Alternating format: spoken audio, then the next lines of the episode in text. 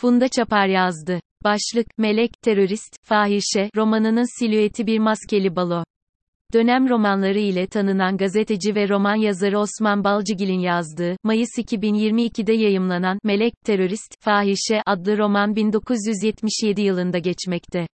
Gerçek kişi ve olaylardan hareketle, yer yer yaratılmış karakterlere başvurularak yazıldığı iç kapakta belirtilen bu roman, anlattığı konuların ağırlığına karşın yazarın anlatım dili, hikayesi, olay örgüsü, karakterleriyle akışkan, mizaha varan haller ile tuhaf bir hafiflik hissi de bırakan bir eser. Yağlı boya tablo, eskimeye yüz tuttukça bazen şeffaf bir hal alır. Bu olduğunda, kimi tablolarda ilk fırça darbelerini görmek mümkündür. Kadının elbisesi içinden görülen ağaç, köpeğinden kaçan bir çocuk, artık denize açılmayan eski bir tekne, çünkü ressam vazgeçmiş fikir değiştirmiştir, buna pentimento denir. Julia, 1977 filmi, baş karakter Lily'nin bu sözleriyle başlardı, izleyenler hatırlayacaktır. Lily, kendisi bir oyun yazarıdır. 43 yıl önce olanları anlatacaktır. Tıpkı Balcıgil'in eserindeki anlatıcı ve baş karakter gazetecinin bugünden 45 sene önceyi anlattığı gibi. Peki bu roman okurda bir pentimento etkisi yaratacak mıdır?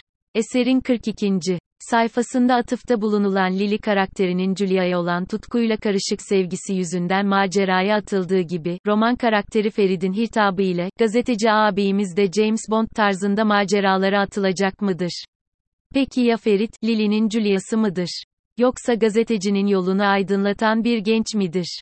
Hikaye, gazetecinin, çocuklarımızın ülkelerinden neden kaçtığını anlatacağı bir yazı dizisi için Londra'da, oradaki Türk gençleriyle röportaj yapması ile başlar. Holly bu gençlerin en ilginç olanıdır. Oyuncu bir karaktere sahip, zeki, güzel ve yüksek eğitimli bir kadındır Holly. İyi haberin kokusunu uzaktan bile alan gazetecinin bu röportajı, Holly'nin çalkantılı hikayesinin İstanbul'a savrulması ile tekinsiz yerlerin kapısına kadar ulaşır, hatta yapışır. Holly kirli bir dünyada genel eve satılan bir kız çocuğunu okuma yazma öğreten ve onu savunan bir melek olarak parlayacaktır bu defa ve çocukluk arkadaşı Ferit ile beraber gazetecinin Kız Kulesi'nden Topkapı Sarayı'na kadar deniz gören manzaraya sahip yuvasında bir akşam yemeğine dahi konuk olacaktır.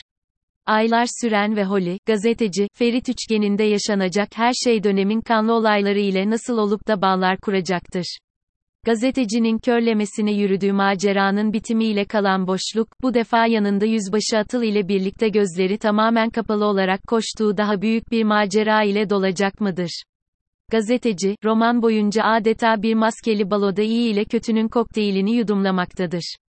Ülke gündemi ve bazı siyasi skandallar da anlatımda yerini bulurken bunların hikayeyi etkilemesi kaçınılmazdır. Yine de hikayenin önüne geçtikleri söylenemez. Gazetecinin üzerinde hissettiği ağırlığı hafifletme çabaları ise atmosferi hafifletir. Sayfa 314 milyon 315 bin 316'dan alınan şu satırlardan okunacağı gibi, gecenin kokusunu içime çekerek Galata Köprüsü'nün üzerinden geçeceğim, Tophane'ye gidip aşığı olduğum merdivenleri tırmanacağım ve akşam üzeri, eşsiz Karaköy, Eminönü, Kadıköy manzarası harika. Özellikle yaz aylarında, batı yönlü hafif esintinin burnunuza taşıdığı iyot kokusu ile masanızdaki rakının muhayyelinizde oluşturduğu karışım ruhunuzu besler, beyninizi büyütür, denizin üzerinde hiçbir araç bir diğerine şöyle yap, böyle yap demez. Kendisinin ne yapmakta olduğunu söyler. Çatışma bu yolla engellenir. Hikayede bir gazetecinin yazı peşindeyken olası tanıklıklarına, zaman zaman konfordan hayli uzak hayatına ve en önemlisi yazdıklarının tamamının yayınlanmama ihtimali ve gerçeğine duyduğu içsel gerilimlere tanık olur okur. Hikaye olgunlaştıkça gazetecinin mesleğindeki kendi iflah olmaz tarafsız yaklaşımını eleştirel düşünmeye daldığı sayfa 194'ten alınan şu satırlarda okunur. Dante Alighieri diyor ki, cehennemin en sıcak yeri, ahlaki kriz zamanında tarafsız kalanlara ayrılmıştır. İçinden geçmekte olduğumuz zaman, ne yazık ki ahlaki krizin zirve yaptığı bir dönem. Dante'nin yaşadığı zamanlarda bu boyutlarda mıydı bilmiyorum. Öyle ya da böyle, sözü tazeliğini sürdürüyor. Gazetemin kapısından girerken kendimi sanki bir aydınlanma yaşamış gibi hissediyorum.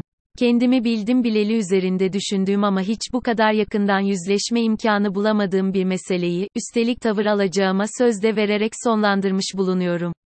Ve final. Nokta. Okur gazeteci ile beraber Atina'ya sürüklenir.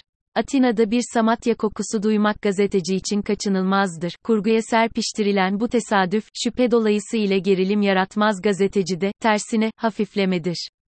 Çünkü atmosfer yeterince gergin ve ağırdır. Otel odasında çalan telefonun sesi ve zaman ağırdır. Karakterler ise romanın dünyasındaki gerçeğe yaklaşmıştır. Holly başka bir film karakterinin replikası, Ferit ise bir muamma olarak.